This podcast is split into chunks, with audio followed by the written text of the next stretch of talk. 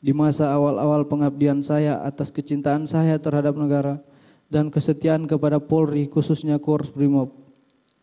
Saya dipilih menjadi ajudan yang di mana tugas saya menjaga dan mengawal atasan. Di usia saya ini tidak pernah terpikirkan ternyata oleh atasan saya di mana saya bekerja memberikan pengabdian kepada seorang jenderal berpangkat bintang dua yang sangat saya percaya dan saya hormati di mana saya yang hanya seorang prajurit rendah berpangkat barada, yang harus mematuhi perkataan dan perintahnya. Ternyata saya diperalat, saya dibohongi dan disia-siakan. Bahkan kejujuran yang saya sampaikan tidak dihargai, malahan saya dimusuhi. Begitu hancurnya perasaan saya dan goyahnya mental saya. Sangat tidak menyangka akan mengalami peristiwa menyakitkan seperti ini dalam hidup saya namun saya berusaha tegar.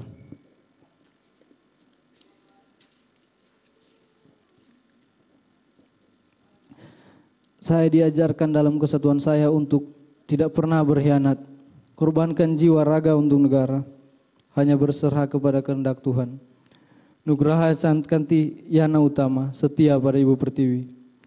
Bahwa ikrar dan janji setia terhadap negara dan pimpinan akan terus terpatri dalam hati saya atas apa yang telah terjadi pada diri saya saat ini menjadi suatu pembelajaran sangat penting dalam kehidupan saya, dalam pendewasaan diri. Kiranya Tuhan menolong saya.